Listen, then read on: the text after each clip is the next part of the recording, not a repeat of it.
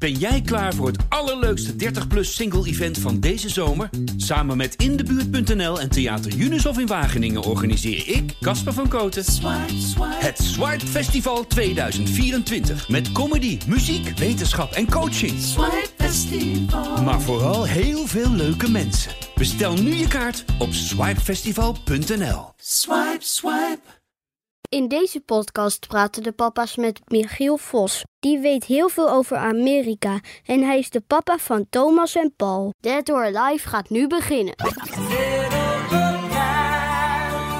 Welke echte vent houdt er nou van kinderfeestjes, zwemles en snoetenpoetsers? Weet je, het is toch eerst een beetje een hond die geen trucjes kan.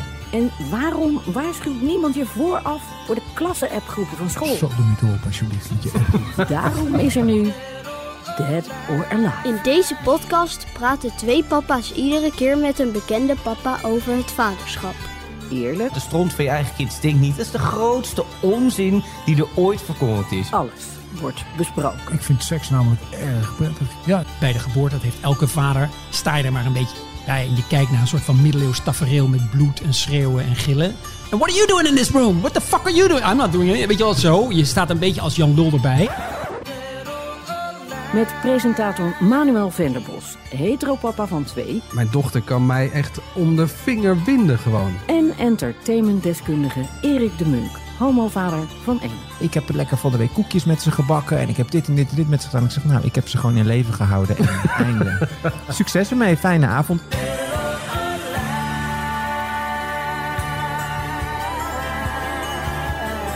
Dead or Alive. Ja, Erik, daar zitten we dan. Eindelijk. We kunnen eigenlijk gewoon beginnen. We gaan aan de gang. Dead or alive? Ja, dat is natuurlijk een beetje de hamvraag van deze podcast. We vragen zometeen een bekende vader het hemd van het lijf. Maar laten we eerst even aan elkaar vragen hoe we in de wedstrijd zitten. Nou, dan zal ik maar beginnen. Ja, eh, toch wel weer dead. Eh, zomer- en wintertijd vind ik bij deze moet afgeschaft worden. Mijn kind is tegenwoordig om kwart over vier wakker elke nacht. Nou, in de zomertijd was het kwart over vijf.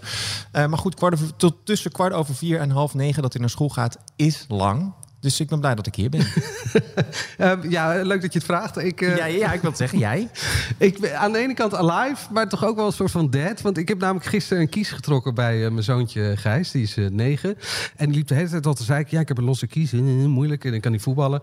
En toen dacht ik, ehm, nou, kom hier, kijk even. En Ik had de week ervoor ook al lopen kijken. Van, nou, toen zat hij nog best wel vast. Dus ik denk, nou, ik ga hem nu gewoon een ruk aangeven. en, eh, eh, eh, hij gaat eruit. Eh, en ik pakte hem vast en ik trok eraan. Au, au, papa! En toen deed ik dat nog een keer. En toen had ik hem in mijn handen. Maar toen zat er echt zo'n wortel aan. Dat is niet goed, Het is toch? wel meteen duidelijk wat voor vader jij bent. En Weet je, het is gewoon meteen hebben we dat nu, eh, is het duidelijk, bepaald. Ja. Nou, we gaan beginnen. Michiel, eh, jarenlang ben je al op de televisie te zien, op de radio bij Ruud de Wild. Als eh, Amerika-correspondent, Amerika-deskundige. Ruud de Wild onder andere, Eva Jinek bij Bo. Eh, nou ja, je bent nu een aantal maanden in Nederland met je oudste zoon. Dus fijn dat jij hier kan zijn. Michiel, ehm, nou ja, om te beginnen. Michiel Vos, ook voor jou. Dead or Alive. Alive. En waarom? Ja, omdat ik ben hier dus met mijn 14-jarig zoontje, zoon. En die gaat naar een Amsterdamse school in het Nederlands. En die vindt het helemaal te gek. En dat had ik niet helemaal verwacht. Ik dacht dat hij het misschien wel moeilijker zou hebben. Taalachterstand, hij is natuurlijk in Amerika opgegroeid. Maar hij vindt het heel te gek. En dat komt door de fiets. Het kan niet Nederlandser. De fiets betekent voor een kind... Ja, dat zijn jullie natuurlijk aan gewend. Want jullie zijn, wij zijn opgegroeid op de fiets. Maar voor Amerikaanse kinderen... een 14-jarige op een fiets in Amsterdam... met meisjes met paardenstaarten... dat is niet te verslaan. Dat is gewoon... Elke dag zegt hij weer... The bike. Oh my god. Amsterdam. The bike. En dan is het elke dag... Het gaat uiteindelijk allemaal terug op die fiets voor die kinderen. Want dat is vrijheid. Dat is zelf beslissen. Ik hoef niet met mijn vader. Zelf dingen doen. Na school hangen. Met fietsen. Dat is, de fiets is de redmiddel. Niet die zoon. De fiets. Maar hij is dus eigenlijk ook op een soort, eh, ja, hoe noem je dat? Een soort eh, br- brugklaskamp samen met zijn vader gewoon een half jaar Ja, een lang. beetje wel. En hij kijkt natuurlijk naar Nederland, wat ik heel goed ken, op zijn manier. Hij, hij vindt zijn eigen Amsterdam uit als 14-jarige. Ik woonde hier nooit als 14-jarige. Ik kwam als 18-jarige. Dat is natuurlijk weer heel anders. Het boeit hem ook helemaal niet dat alles dicht is. Restaurants, cafés, daar heeft hij, geen, heeft hij helemaal niks aan. Hij wil op die fiets met zijn klasgenootjes over de bruggetjes, Haarlemmerstraat, door het tunneltje. Dat wil hij. Maar en dan ben je hier dus met je oudste zoon Paul. Je hebt er nog eentje, die is Ja. 12. Eh, Thomas, hoe is het dan voor hem? Hij is met jouw vrouw dan in Amerika. Ja, die, ehm, die vindt het A heel lekker dat hij zijn oudste broer niet op zijn nek heeft. Dus die is, heel, die is helemaal de koning van het koninkrijk in New York. Dus die vindt nog steeds New York. Die was ook nooit zo met Amsterdam en Nederland. Dus Paul, mijn oudste, die vroeg daar altijd om. Dus die kon ik meenemen dit jaar, of dit halve jaar. En die heb ik dus meteen meegenomen. Die zuigt het op. Die wil natuurlijk opeens die wil het hebben over de 80-jarige oorlog. De grote opstand. Hoe zit dat met Willem van Oranje? Ja, dat, is- ja, die likt het op, zeg maar. Het Nederlandse. En het gekke met die, nou ja, nogmaals, die fiets, de grachten, de schoonheid. Eh, Amsterdam is veel mooier dan New York. Om maar even iets te zeggen. Dat valt je niet zo op. Maar ja, dat, dus hij vindt het ze vinden het eigenlijk allebei prima dat ze even niet met elkaar zijn. Ja, ik mis mijn vrouw natuurlijk, maar dat is de prijs die je betaalt. Ben je van de spelletjes? Eh, nee, maar ik vrees dat ik er niet onderuit kom. Kom nu. Dead or Alive. Het Dead or Alive dilemma-spel. Dead Alive. Dead Alive. Ja, dit is dus een beetje een dilemma-spel eh, waar jij eh, aangeeft waar je energie van krijgt. Dus waar je eh, alive van wordt. Of waar je ja, eigenlijk gewoon dood van gaat. Dat is eigenlijk eh, de bedoeling. Helder? Juist. Ja. We gaan beginnen. De eerste, tractaties maken. Oh, dead. Zwemles. Eh, dead. De klasse appgroepen. Dead. Heb je die in Amerika ook? Eh, ja, die heb je en het gaat alleen maar over safety. Is het safe?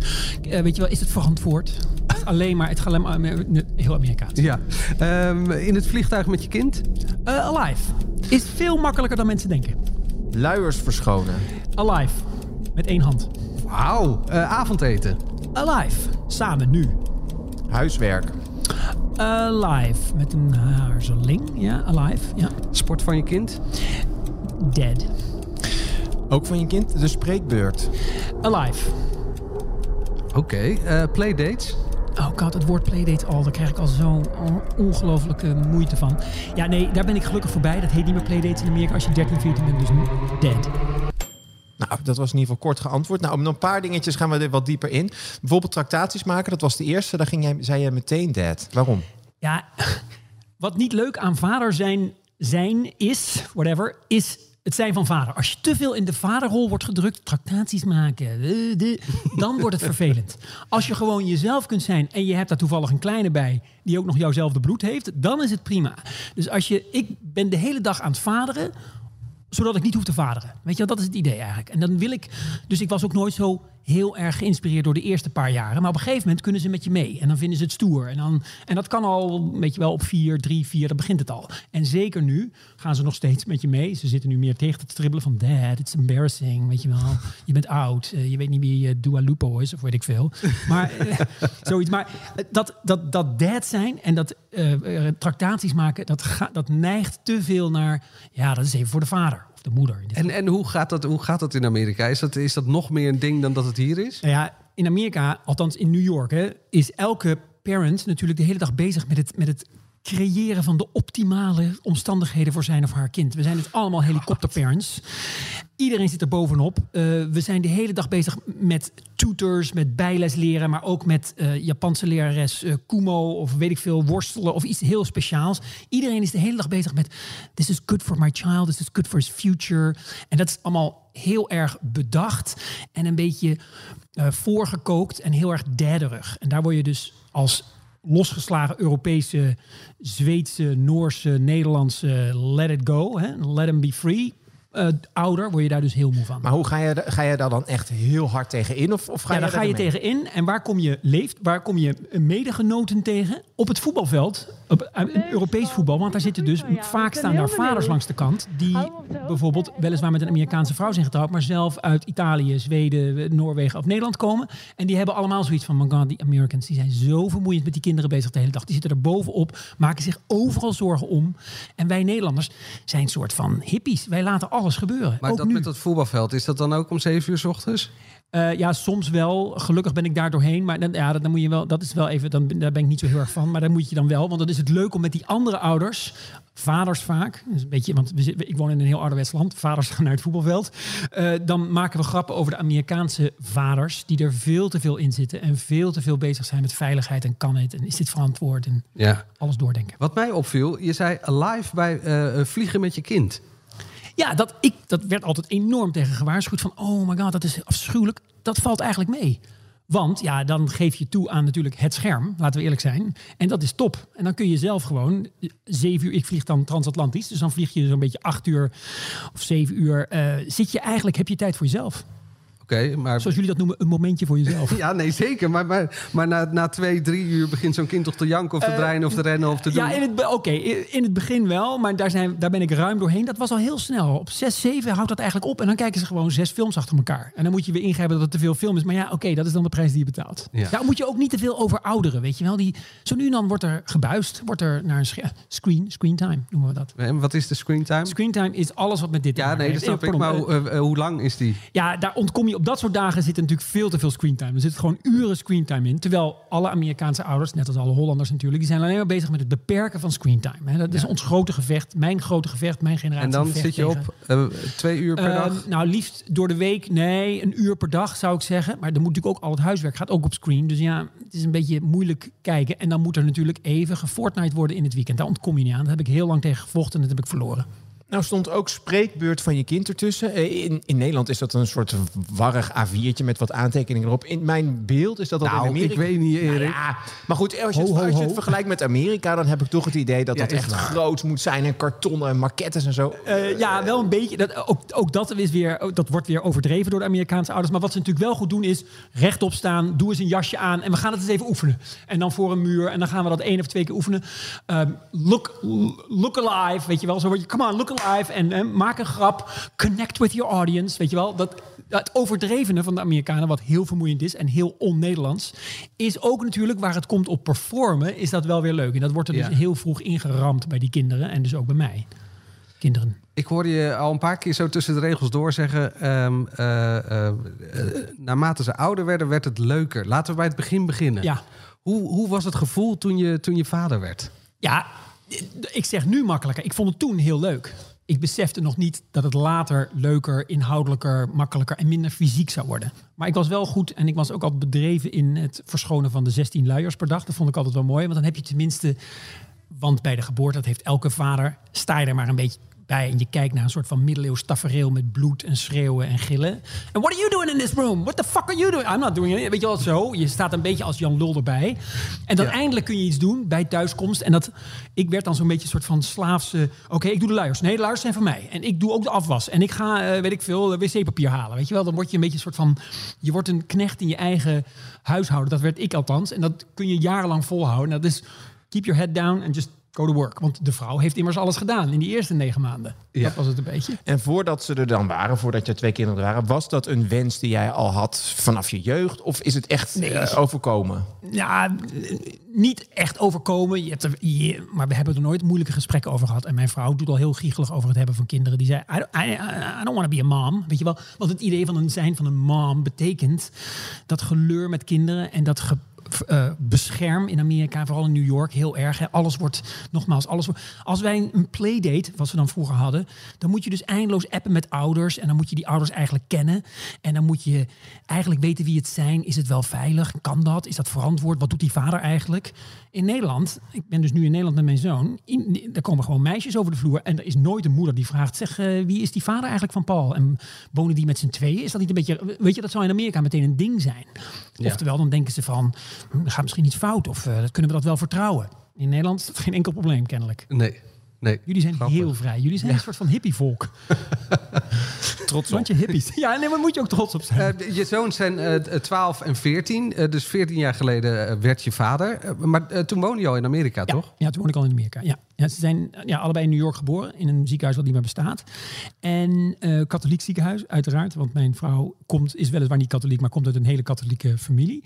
En heeft een eh, moeder, die jullie misschien kennen. En die zat, er natuurlijk Pelosi. boven, ja, die zat er natuurlijk bovenop. We kwamen eerst met allerlei soort van hippe namen aan. Ik heb geloof ik ooit een keer voorgesteld Anderson. En toen zei ze een beetje half voor de grap. Anderson, I'm not sure that's in the Bible. I've never heard of that. I've never heard of Anderson in, in Genesis. En toen kwamen we dus uiteindelijk met Paul en Thomas. Dat kan natuurlijk in beide talen. En heeft bijbelse keurmerk van, eh, hè, van huisvrouwen dat dat kan. Paul en Thomas, dat is allemaal bijbels. Dus Ja. dat, dat werd goed gekeurd.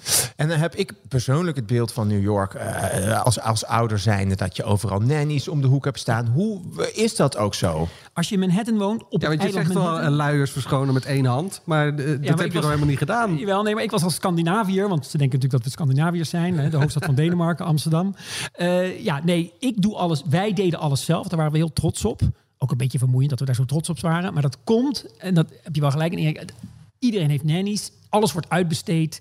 Alles wordt zeg maar groots aangepakt. Eh, feestjes worden enorm voorbereid. Er wordt ook enorm veel geld betaald eh, voor het huren van een ruimte voor een vijfjarige. Dat je denkt van, wat is dit allemaal?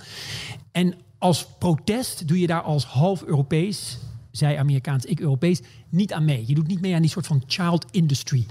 En mijn vrouw, met name, die vindt altijd dat er een soort van kinderindustrie is die erop uit is om jou te sakkeren, om dingen te kopen, aan te schaffen, uit te geven, voor te bereiden en daar tijd in te steken. Terwijl eigenlijk het ouderschap ja, verrassend dichtbij kan worden gehouden en simpel en dan daar ook heel makkelijk van wordt. Ik wil niet zeggen dat het elke dag makkelijk is, maar je kunt het jezelf heel moeilijk maken in het ouderschap. En dat is niet altijd nodig. En als je het dichtbij houdt, als je zeg maar uit losse pols tennist, dan is dat veel makkelijker dan als je alles gaat zitten produceren. Producing, dat is heel Amerikaans. En dat doen die Amerikanen. En daardoor wordt het ouderschap, vind ik, als hippie Scandinaviër in New York, moeilijker en ingewikkelder. Ja, maar eh, dat zeg je nu. Maar hoe keek jij uh, voordat je vader was tegen het vaderschap aan? Nou, ik keek er niet zo heel erg tegen aan. Het overviel, het overkwam ons, laat ik het zo zeggen. Het overviel ons niet, maar het overkwam ons. En ik liet het me overkomen. Ik had me er niet heel erg op voorbereid. Heel New York leest dan What to Expect When You're Expecting. Dat is zo'n boek, weet je wel, waar iedereen dan in zit te lezen. Wat moet je een soort doen? Amerikaanse oei, ik groei. Ja, Oh, dat ja. is het. Ja. In het Nederlands klinkt het wel heel lullig, maar goed. Ja, oei, ik groei. Nou, de oei, ik groei. En dan uit de jaren 50 steeds aangepast aan de nieuwe tijd. What to expect when you're expecting. Ja, daar wilde ik allemaal... Ja, ik dacht gewoon, dit moet ik toch wel kunnen. Ik ben mens. Dit, wij zijn hier... Er zit in, iets in ons, letterlijk, biologisch... dat we op een gegeven moment voor nakomelingen gaan zorgen. Dat moet kunnen zonder cursussen en aanwijzingen en boeken. Ja, maar dan toch voor al die uh, aanstaande vaders een, uh, een kleine tip. Dead or Alive. De waarom hebben ze mij dat nooit verteld? Tip voor aanstaande vaders. Alive. Ja, Michiel. Dus je hebt dan een, mensen die misschien luisteren, vaders die misschien luisteren, die op het punt staan vader te worden, daarover na zitten te denken. eh, Het moment komt misschien dichterbij. Wat is ja, volgens jou een ultieme tip die jij graag had willen horen toen je zelf vader werd? Uh, laat het, uh, allereerst, laat het je overkomen. Zo ingewikkeld is het niet. Er zit iets natuurlijks in. En bij de moeder zie je dat. Is het heel weet je wel, bloederig. Dat, dat gaat in één keer. Mijn vrouw is zeker geen moedertype, maar die werd in één keer moeder. Van, van nacht op dag. De, de dag van dat zag je gewoon. Wij vaders staan een beetje onbeholpen erbij. Laat het je overkomen. Um, ja, ik, het is bijna te melig om te zeggen, maar het is no big deal als je erover nadenkt. Want we staan er, we zijn ervoor. We zijn ervoor gemaakt.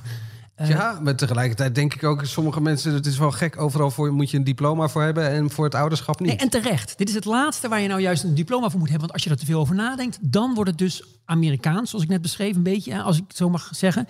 Dan wordt het te nagedacht, te geproduceerd, te voorbereid. Laat het gewoon gebeuren. Wat dat betreft zouden Europese ouders of Nederlandse ouders, die alles een beetje komen laten aanwaaien, doe maar gewoon, dan doe je al gek genoeg. Dat is eigenlijk de beste attitude. En wat blijkt, Nederlandse kinderen zijn jaar om jaar de gelukkigste kinderen ter wereld. Maar was er dan ook iets heel simpels waarvan je dat wat je ervaarde, waarvan je dacht, nou dat ze me dat niet even hadden kunnen vertellen? Kijk, wat later kom je erachter, wat ze me wel eens een keer hadden vertellen, ver, willen vertellen, moeten vertellen, is de uitdaging is dat je um, flexibel moet zijn met je kinderen, maar ook, laten we zeggen, sterk. Je moet ze dingen bijbrengen. Bijvoorbeeld, je moet ze positief uh, laten zijn. Je moet ze zeggen van je moet positief in het leven staan, maar je wil niet dat ze naïef worden. Ze moeten zeker van zichzelf zijn, maar niet, na, maar niet arrogant. Ze moeten, weet je en, die fijne, de fine line, die fijne koers die je moet varen, dat zit ook in het vaderschap zelf. Je moet zeg maar durven nee te zeggen, dat is heel belangrijk. Hè? Dat, dat, dat, dat spreekt voor zich. Maar je moet geen nee-sayer worden, want dan word je een negatieve vader. Dus die, die, die lijn waar je over moet wandelen, dat scheermes, dat hadden ze me wel eens een beetje beter kunnen uitleggen. Dat is eigenlijk de uitdaging. En daar kwam ik, dat vind ik, hè, andere vaders vinden dat anders. Dat is voor mij de uitdaging. Hoe balanceer je die twee? Ja, en, en uh, als ik daar dan op inga, uh, uh, noem je jezelf dan een strenge vader? Ja, ik ben de strenge in het gezin. Maar omdat mijn vrouw, die, die is gewoon niet van de regels. Dus dat, daar is geen land mee te bezeilen. Ik ben niet streng. Maar ik ben wel van... Um, weet je wel, je, je kan het karakter misschien niet veranderen, maar je kunt wel good habits eh, aanbrengen bij een kind. Hè? Goede gewoonte. En dat, dat vergt natuurlijk enig. Poet je tanden nou, weet je wel, zoals Angelina Jolie geloof ik laatst zei. Die zei, ik heb mijn 16-jarige, moet ik nog steeds elke dag uitleggen wat de benefit is van brushing your teeth. En dan zijn we 16, weet je wel. Dat is eindeloos. Kinderen pikken niks op na één of twee keer. Je moet het gewoon duizend keer herhalen. En daar word je een beetje streng van, ja. Rigide bijna. Nou voed jij je kinderen op, en nu niet eventjes, maar normaal in New York, in Amerika. Maar jij komt oorspronkelijk, hebben wij dan nog meer gelezen in onze achtergrond, uit Limburg. Verwerk je dat dan ook nog ergens in de opvoeding? Nou ja, de, Limburgse, de Bourgondische, de houding van eh, een beetje laten waaien en niet al te serieus nemen. Dat is ook een beetje Nederlands natuurlijk, maar eh, misschien niet zo nuchter. Ik ben geboren in Groningen, maar opgegroeid in, in Limburg, in Maastricht. Dat neem je mee. En ah, dat is niet helemaal antwoord op je vraag. Een soort liefde voor schoonheid. Maastricht is een, hele mooie stad. Eh, dat probeer je bij te brengen bij Amerikanen die natuurlijk eigenlijk opgroeien in een land wat, waar bij alles wat is gemaakt door mensen in Amerika is eigenlijk lelijk. Zeker in New York. Bijna alles. Behalve een paar dingen die we steeds in dezelfde films en series gebruiken. Maar dat is eigenlijk flauw. En bij RTL Boulevard. Ehm, maar, en dat moet je ze ook bijbrengen. Een soort van schoonheid is niet meteen soft. Schoonheid mag. Weet je wel? Dat moet je, dat moet je denk ik, Amerikanen iets meer uitleggen dan Europeanen die hier opgroeien. En die gewend zijn aan wat meer schoonheid om zich heen. Ja, want je oudste zoon die zit dus nu eh, op een Nederlandse Ja. school. Maar eh, heb je ze ook echt tweetalig opgevoed? Ja, dat probeer je wel als Europeaan in, Amerika, maar dat lukt natuurlijk nooit helemaal. Want dan moet je echt de hele tijd Nederlands praten. Dus ze praten een beetje Nederlands. Die oudste is nu met mij mee, dus die gaat nu met sprongen vooruit, want die zit nu op een Nederlandse school.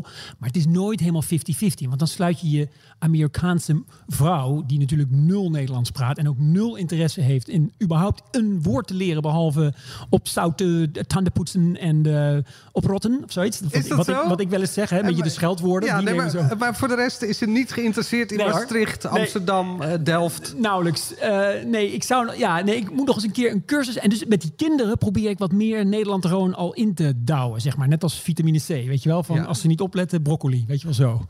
De- nou, dus eh, probeer haar een beetje te corrigeren. En daar moeten we natuurlijk wel om lachen. En dan zegt ze, ja, daar, hebben we onze daar heb je je vader voor. Die brengt je dat soort dingen mee. Ik ben natuurlijk ook in de, de grotere Italiaans-Amerikaanse familie ben ik de softerik. Hè? Ik ben natuurlijk de Europeaan, dus ik weet dus alles van schoonheid, schilderkunst en moderne kunst. Ook al weet ik daar niks van.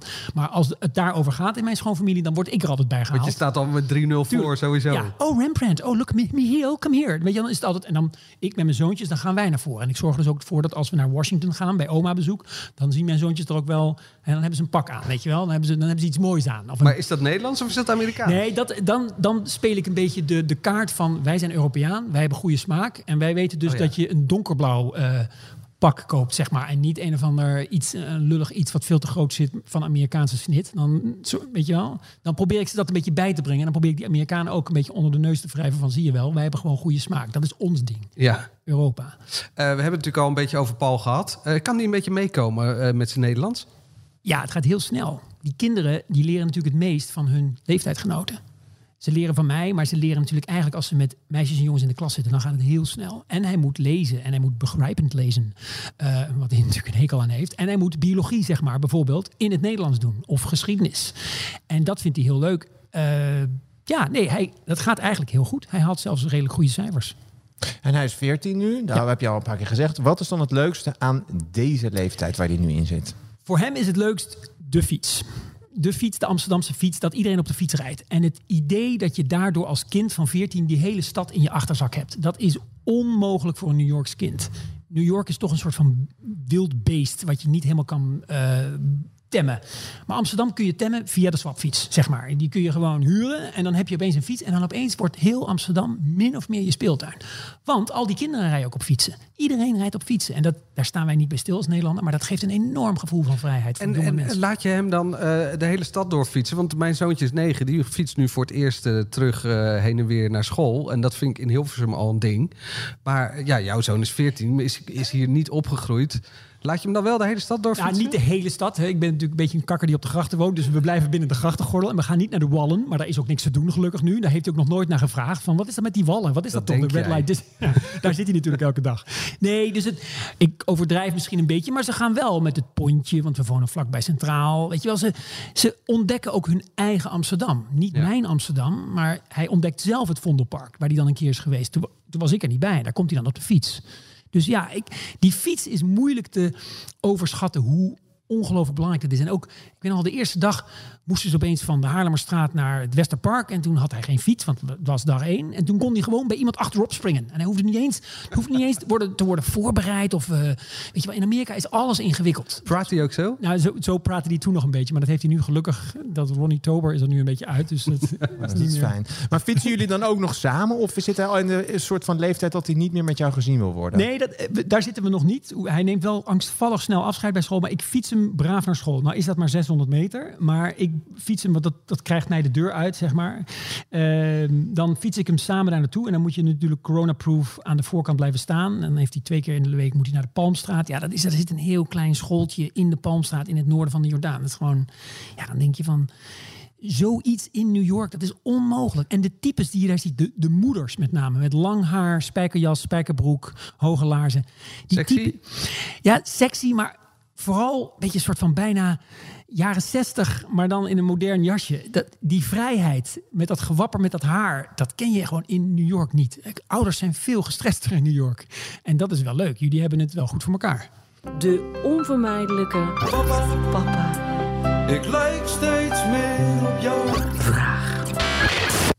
Ja, in hoeverre lijk je op je vader? Steeds meer. Ja, steeds meer. En is dat eh, schrikken of is dat juist? Nee, die is heel rustig en eh, bedachtzaam. Ik ben wat minder rustig, maar ik, denk wel steeds meer dat ik op mijn vader lijk. Ja. En dat is ook ja, een beetje melig om te zeggen, maar die vriendschap, die je, op een gegeven moment is je vader niet alleen maar meer je vader, maar is het meer een soort van oudere vriend geworden. Dan krijg je wat meer verdieping en vriendschap, terwijl je niet meer de hele tijd vader-zoon bent. En dat is wel, dat is wel goed. Is En, en ook, maar ook in het vaderschap, eh, lijk je daarin ook op, op hem? Nee, ik ben actiever aanwezig. Ik vond hem zelf altijd een beetje te passief, denk ik. Iets te weinig. Hij zei, ik vroeg wel eens aan mijn vader van... ja pap, hoe moet ik dit nou doen? Bijvoorbeeld wat later. En dan zei hij altijd van... ja, dat weet ik eigenlijk niet. Want ik ben, ja, ik doe dat natuurlijk zelf niet. Dus ja, dat moet je zelf maar een beetje uitzoeken. En dat vond ik wel eens flauw. Begrijp waarom hij dat zegt. Maar dat probeer ik te vermijden. Ik wil wat actiever zijn in het leven... zonder dat ik helikopterparent wil zijn. Want dat wil ik helemaal niet. En was hij er ook vaak? Want je vader was Hij was er wel vaak. Ja, hij, was, hij had voor een deel ook praktijk aan huis. En later werkte hij vlakbij. Hij was er wel. Maar hij was wel. En daar moet je natuurlijk. Dat is ook wel een uitdaging voor alle ouders. Je kunt er zijn. Maar dan. Dat wil nog niet zijn. Zeggen dat je er bent. Zeg maar. En daar moet je natuurlijk voor opletten. Van ja, maar ik ben toch de hele dag aanwezig met die kinderen. Ja, maar dan moet je niet natuurlijk zelf je dingen doen. Je moet dan ook een keer. Nou ja, echt iets bespreken met je kind. Ja. Dat is wel. Je, je, je zat natuurlijk een beetje op zijn route eh, door ook eh, Ja. de advocatuur in te gaan. Op een gegeven moment ging je linksaf eh, de journalistiek in. Ja, nee, dat klopt. Vond Hij- hij dat oké? Hij was de laatste die zei dat ik in de advocatuur moest. Dat hij zei van nee, maar het is saai en eh, dat moet je niet doen. En, maar goed, doe maar als je niks anders weet doen. Ik wist eigenlijk niet wat ik moest doen, dus ik ging maar rechten studeren. En dat zeg je nu ook tegen je zoons. Ga niet de journalistiek in. Nee, probeer iets aan de creatieve kant te doen. Maar wat wel goed is natuurlijk, als je creatief wordt, niet dat ik zo creatief ben, maar je moet iets verzinnen op televisie en je moet ergens over praten. Om met een degelijke, want daar ben ik wel van, de degelijke achtergrond, een saaie rechtenstudie, dat is dan niet zo gek. Nog even te- terug naar je eigen vader. Is hij, ja, wat voor een opa is hij dan geworden? Hij is een eh, opa Piet. Zoals een opa Piet is een rustige opa die wiens lijfspreuk is just because you ask me a question doesn't mean I'm going to answer. Oftewel, je kunt hem alles vragen, maar soms zegt hij gewoon niks. En daar zijn mijn zoontjes nog steeds verbaasd over. Het feit dat een man niet terugpraat. Dat hij gewoon niet onvriendelijk, maar gewoon ja, nee, ga ik niet op antwoorden. Maar zien zij, zie je hem dan ook vaak? Want Ja, want, ja, want nu wel. Hè. Ja. We zien hem nu ja, relatief vaak. Want, en dat is natuurlijk leuk dat je een jaar in Nederland bent, of een half jaar, wat het dan ook, wat het dan ook mag zijn, dat je je andere opa en oma, mijn ouders, veel meer ziet. En als vader. En dan ja, dan heb je het natuurlijk ook wel eens zelf van pap. Hoe zat dat nou? Bijvoorbeeld laatst heb ik hem heel erg gevraagd. eh, wat was je eerste baantje, je eerste herinnering, je eerste vriendschap... die meer was dan eh, met, in, met iemand in de zandbak zitten. En daar kom je pas toe als je iemand vaker ziet. Dan krijg je een soort van band. En dan ga je een beetje over het leven praten.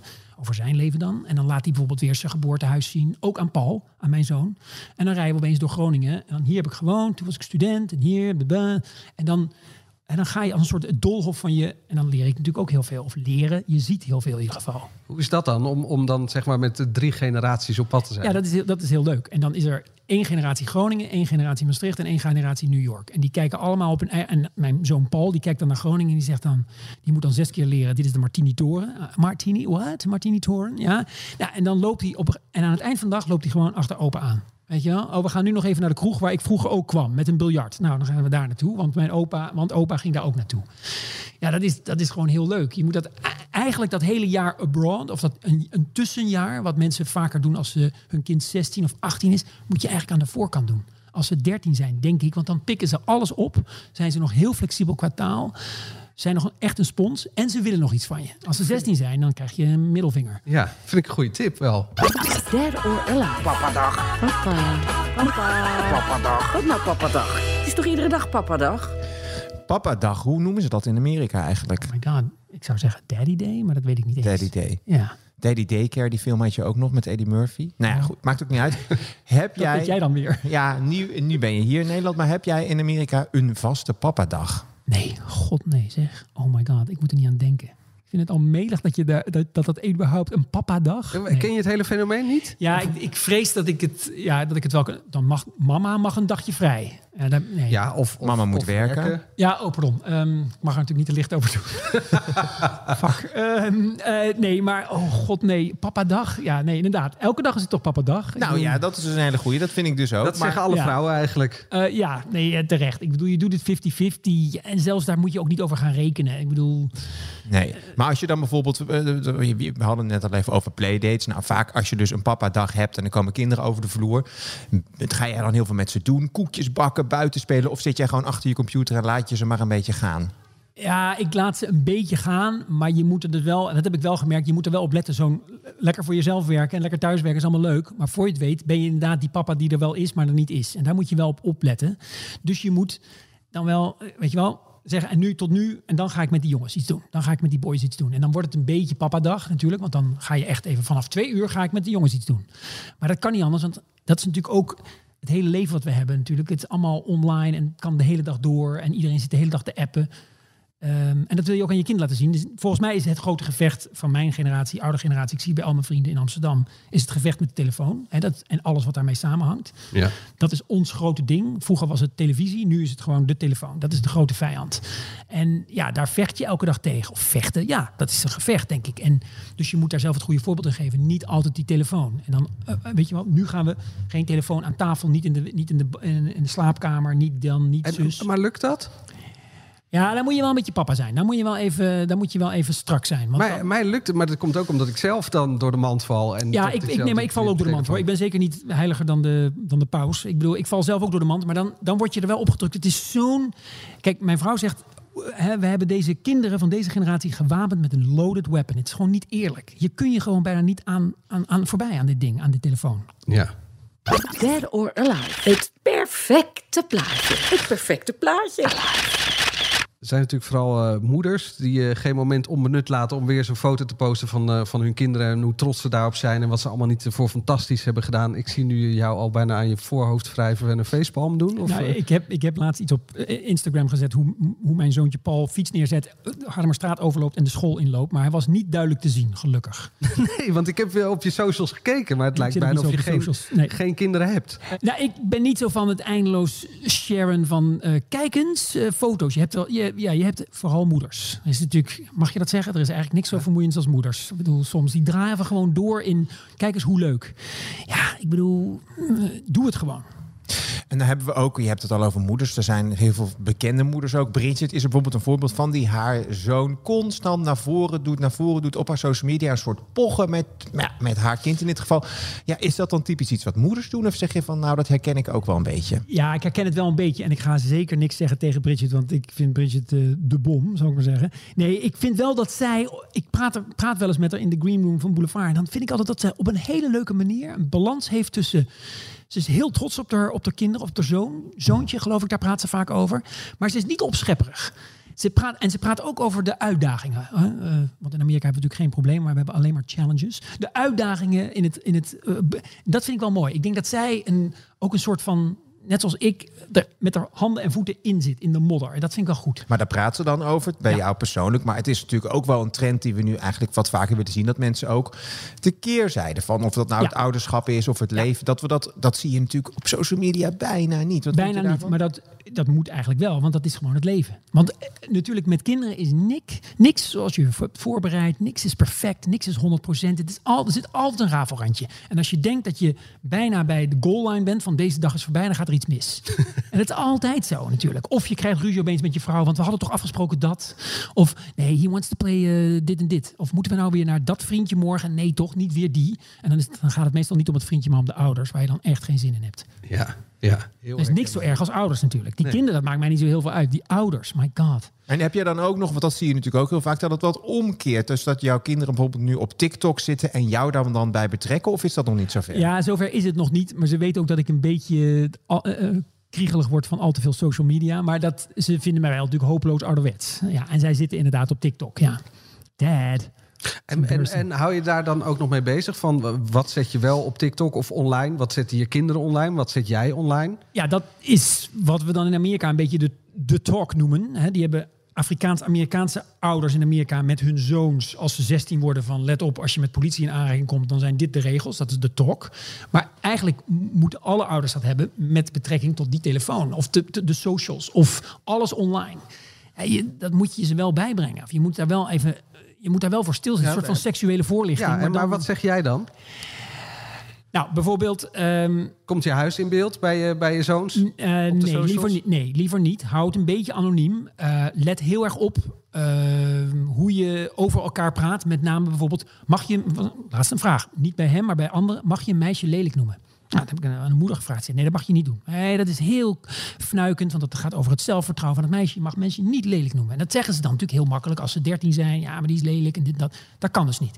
Dat zijn soort van regels. Je moet enorm opletten. Zeker weer in New York, Me Too. Je moet enorm opletten met woorden die sommige Amerikanen wel kunnen gebruiken, maar anderen niet. Daar moet je ook heel erg mee opletten. En dat moet je ze bijbrengen. En dat is natuurlijk veel meer dan vroeger. Het is bijna niet eerlijk. En normaal, ik zeg, ik zeg een, een doorgeladen wapen is die telefoon. Want het schiet de hele dag snoepjes af. Waar die kinderen natuurlijk alleen maar op, op afkomen. Suiker, zoet, geel, blauw, oranje. Het is natuurlijk allemaal heel lekker wat hierin zit. Maar het is eigenlijk allemaal slecht voor je. Maar vertrouw je ze er dan wel mee? Of ben je dan Je vertrouwt ze er wel mee, anders zijn ze een freak. Maar als, ze is dan, niet- als, ze de een, als, als zij de enige zijn die het niet hebben, dan is het weer een beetje van: oké. eh, Maar het is niet dat je er stiekem af en toe in kijkt. Ja, dat doet mijn vrouw.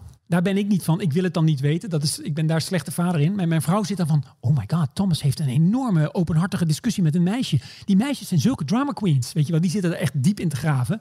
S'nachts. En dan gaat ze mij daarover informeren. Ik wil het dan niet weten. Maar is ook een beetje dommig van mij. Want dat moet je natuurlijk eigenlijk wel weten. Ja, is dat zo? Of is dat, of is Nou dat privacy van je zoons? Dat- Nou, je moet wel weten of ze, of ze doorhebben dat wat ze zeggen blijft natuurlijk eigenlijk voor altijd bestaan. En ja, ze zitten wel eens in van die groepjes met elkaar. En dan gaat het wel eens de verkeerde kant op. Voor je het weet is het... eh, is het is, nou ja, goed, je weet wel. Ja. Dan gaat het randen over die je niet, waar je, waar je je kinderen bij weg Maar dat weten ze dan dus ook wel van jullie dat jullie dat Ja, doen. voor een deel voelen ze het aan en voor een deel moet je ze het ook zeggen. Het is net zoals eh, eh, mijn, mijn vrouw kwam vroeger thuis en die keek gewoon drie uur televisie. Ja, op een gegeven moment moet iemand dan zeggen: luister, we doen gewoon een half uur of een uur. Anders zitten ze gewoon drie uur. Ja, dat is, dat is gewoon zo. Ja. Kinderen zijn wat dat betreft natuurlijk eh, makkelijk. Die willen gewoon het snoepje. Over snoepjes gesproken. Dead or Alive. Oeh, papa. Dead or Alive. Oeh, daddy. Zo, papa, kom jij maar eens even lekker hier. Ja, tot mijn grote spijt en schaamte is het aan mij om dit programma-onderdeel eh, aan te kondigen. We hebben natuurlijk al heel veel. was ik al bang voor. Ja, we hebben al heel veel eh, onderdelen van het vaderschap besproken, maar nog niet de sexiness van het vaderschap. Om te beginnen, in hoeverre heb jij gemerkt dat jij, eh, nou ja, of je sinds dat je vader bent, een onwijze chick magnet bent geworden? Nou, ik heb dat nooit zo heel erg gemerkt. Ik werd een chick. Mijn vrouw vond het heel sexy. Die zei van, oh my god, de, de hot dad, weet je wel zo. Ehm, ik Dat klinkt, dat klinkt dan wel gelijk ja, goed. dat- Ja, alles wat Amerikanen zeggen, wat dat betreft, is altijd een beetje goed. Eh, ik liep wel trots. Ik ging dan wel rennen langs de Hudson met zo'n eh, met een soort van renstroller, zo'n kinderwagen die extra goed liep. En dan kon je, dan merkte je wel dat mensen dat stoer vonden. Dan werd er gekeken van, oh my god, en dat, dat merkte je wel. Maar ik heb me daar niet zo heel erg op gelet. Ik had, ik heb ook, dat is volgens mij iets voor moeders die dat tegen elkaar zeggen en over mannen. Maar ja, ik oké, zonder, dat je dat zelf eh, in de gaten ja, ik hebt. had nooit het idee dat vaders daar zo mee bezig zijn. Maar ik woon wat dat betreft in een Nou. beetje een masculien land. Die denken dat ze daar niks van aantrekken. Maar, Maar het was niet zo dat je dan ineens allerlei vrouwen die dan bij de kinderwagen kwamen kijken en zo toch over je nee, dat heb ik nooit, nee, dat heb ik nooit gemerkt in ieder geval. Nee, niet echt, nee. Oh. Sorry, ja, dat is, een beetje, ja, dat is wel zo. Want ik ging, nee, ik ik ging heb dat ook nooit gemerkt. Maar Nee, ik heb het nooit gemerkt. Ook niet in de, in de, de speelplaatsen en zo. Want dat ging, dat, daar gingen we wel naartoe. Maar dan, Ik heb en ook alleen, hè? Dat, dat is dan de truc. Ik heb wel expres eh, zo'n buikdrager eh, aangedaan. Dat vond, ja, maar dat, Dat is echt, ja, dat, is een, dat, Dat- dat, dat- zou ik nou niet denken. Dat dat een chick magnet is. ja, heel erg. Dat is met zo'n kleintje op je De buik. Björn, zou ik maar Ja, zeggen. de, de babybjörn. Oh Ja. my god, dat zou ik nou niet zeggen. Nee? Want dat is stoer, want dat, dat zegt wel vader Ja, en dan natuurlijk. met je ongeschoren bek en dan een beetje eh, over de markt lopen. Ja, ja, over, de, over de Dapperstraat. Ja. Oké. nou goed, dat ga ik dan doen. Ik, le- ik leen jouw kleine. Nee, die, die is veel te groot. Wat? We lenen een baby en we gaan het proberen. Ja, nee, niet, de mijne is negen. die van dus jou is negen, dat wordt niks. niet. Nou, en één onderdeel wat ook hierbij past, Daddy Cool. Ik herhaal wat ik net zei. Dat is ook weer aan mij om dit aan te kondigen, maar ik ga het weer toch doen. Eh, seks in een, ja, met, een, met een baby, jong baby. Bestaat dat nog of is dat een tijdje weg? Jolante vroeg het ook laatst bij de Linda. Eh, ja, dat bestaat nog. Eh, ze keek mij niet begrijpend aan, maar dat bestaat. Ja, je kunt gewoon seks hebben met je vrouw, ook al heb je een baby of ook al is je vrouw net zwanger geweest. En natuurlijk is er wel een periode waarin, denk ik, de net aangetreden moeder zegt van nu even, weet je wel, rustig aan, want ik heb hier zeg maar op die middeleeuwse manier een kind liggen baren. Dat, en dat begrijp ik wel, dat, dat, dat, dat zag ik ook wel. Eh, en het is, ook, het is ook allemaal op dat kind in het begin. Hè. Het is allemaal heel soort van, nou ja, een beetje een soort van lichamelijk en, en eh, primair. Dat is het primair, heel erg op dat kind. Dus er was ook niet zoveel behoefte. Dat komt dan vanzelf weer terug. En hoe verandert dan, dat ben ik dan wel benieuwd naar, hoe verandert dan jouw, jouw, jouw, jouw gevoel, jouw blik naar de vrouw waar je dan je leven mee deelt, maar die dan ook ineens de moeder van jouw kind Ja, dat, is? ja, ik, ja, dat klinkt heel trots. Het idee dat onze lieve heer of wie dan ook dat zo heeft ontworpen dat die vrouw dan toch in één keer het idee heeft van ja, dit is een klein hummeltje van zoveel pond, die moet ik beschermen. En die moet eten en die moet slapen en die moet in een doek gewikkeld worden. Dat idee, daar moest ik nog even aan wennen. Ik moest dat even leren. Ik had het idee dat bij mijn vrouw, en die had nog nooit een boek gelezen over zwangerschap, et cetera, dat dat in één keer vanuit de buik in één keer kwam. Dat was er gewoon. En dat, dat is wel, dan zie je ook even het verschil in mijn geval tussen man en vrouw, zeg maar biologisch. Van, zo zitten mannen volgens mij niet in elkaar. Wij denken dan snel, wij moeten eerst even erbij worden getrokken van, wacht even vriend, dit is van jou, dus nu luiers of dit. Je vader, je vader, die is gek. Je vader is nog gekkerder dan gek. Ja, gek, gek op jou ja. Hashtag, je krijgt er zoveel, zoveel voor terug. Nou, we hebben het net al over social media gehad. De hashtag, je krijgt er zoveel voor terug. Die wordt op Instagram, Facebook heel veel gebruikt voor situaties die echt de absolute hel zijn. En dat ze dan zeggen, maar je krijgt er zoveel voor terug voor het vaderschap. Maar wij draaien het positief. Dus Michiel, wat is er nou iets wat jij kunt noemen over het vaderschap waarvan je zegt van ja, dat is wel echt heel fantastisch wat ik er voor terug heb gekregen. Nou, ik weet nog wel dat ik de eerste keer dat ik ging rennen en dat mijn oudste oud genoeg was om een stuk mee te rennen. Ik ging gewoon rennen. En dacht ik van, my god, dat is toch wel, dat is wel een ander niveau. Hij doet zelf iets. Het gaat niet om praten, want er wordt niet gesproken. Hij gaat gewoon mee. Hij doet gewoon wat ik doe, maar dan op zijn eigen manier. Dan krijg je er wel iets voor terug. Dan ben je bezig met het grootbrengen van een klein persoon en niet alleen een kind, weet je wel. Dan wordt hij een soort van man, weet je, overdreven gezegd. Dat zijn, dat zijn momenten, eigenlijk het moment, de momenten dat de jongen, voor mij in ieder geval, dat de jonge man wordt. Of jonge man, weet je wel. We zijn nog geen man, want we zijn pas 14. Maar de afgelopen jaren zijn er van die momenten. En dat zijn mooie momenten. En dan plof je uit elkaar van trots. Nee, want zo zit ik niet in elkaar. Maar dat vind ik ook heel vermoeiend. En dat het ook weer een hashtag heeft. Oh my god. Dan denk ik, dat zijn allemaal ouders volgens mij die veel te veel dat willen benoemen en weer in elkaar willen zetten. Je moet dat gewoon een beetje laten gebeuren. Maar dat gebeurt wel en dat is wel mooi. Dankjewel, Michiel. Geen dank. Maar we sluiten toch een beetje, ja, is dat dan katholiek, af? Heel goed.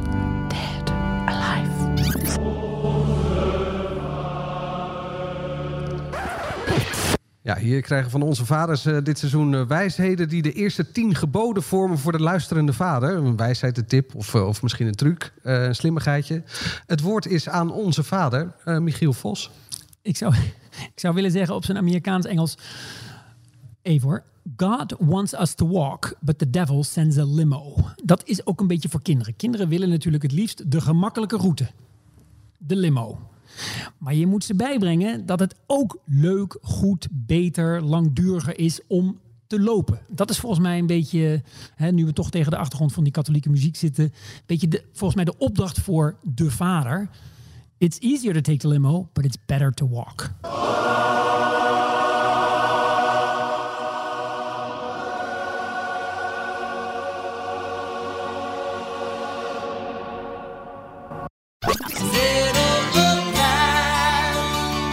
Keer praten de papa's met boer Henk. Die is bekend van Boer zoekt vrouw. De vrouw heeft hij toen gevonden en dat is Fiona. Ik vind het altijd nog steeds bijzonder of zo, weet je, als je gewoon eh, s s'morgens koeien gemolken hebt, gewerkt hebt en daarna ga je gewoon even zen met je kinderen aan tafel even uh, knutselen of plakken of zo. Ja, ik, ik kan er eigenlijk wel van genieten. Van Met die grote, grote boerenmannenklauwen zit jij dan ja, eh, gewoon zo'n te beetje knutselen. te, ja, te prutsen, weet je wel, een beetje. Die kleine dingen. Soms ook Tot volgende week. Dead or Alive. En eh, vergeet niet te abonneren. Dan krijg je de volgende keer meteen een verse papa. En volg de papa's ook op Insta. Apenstaartje Dead or Alive de podcast. Alleen dan alles aan elkaar. Doei!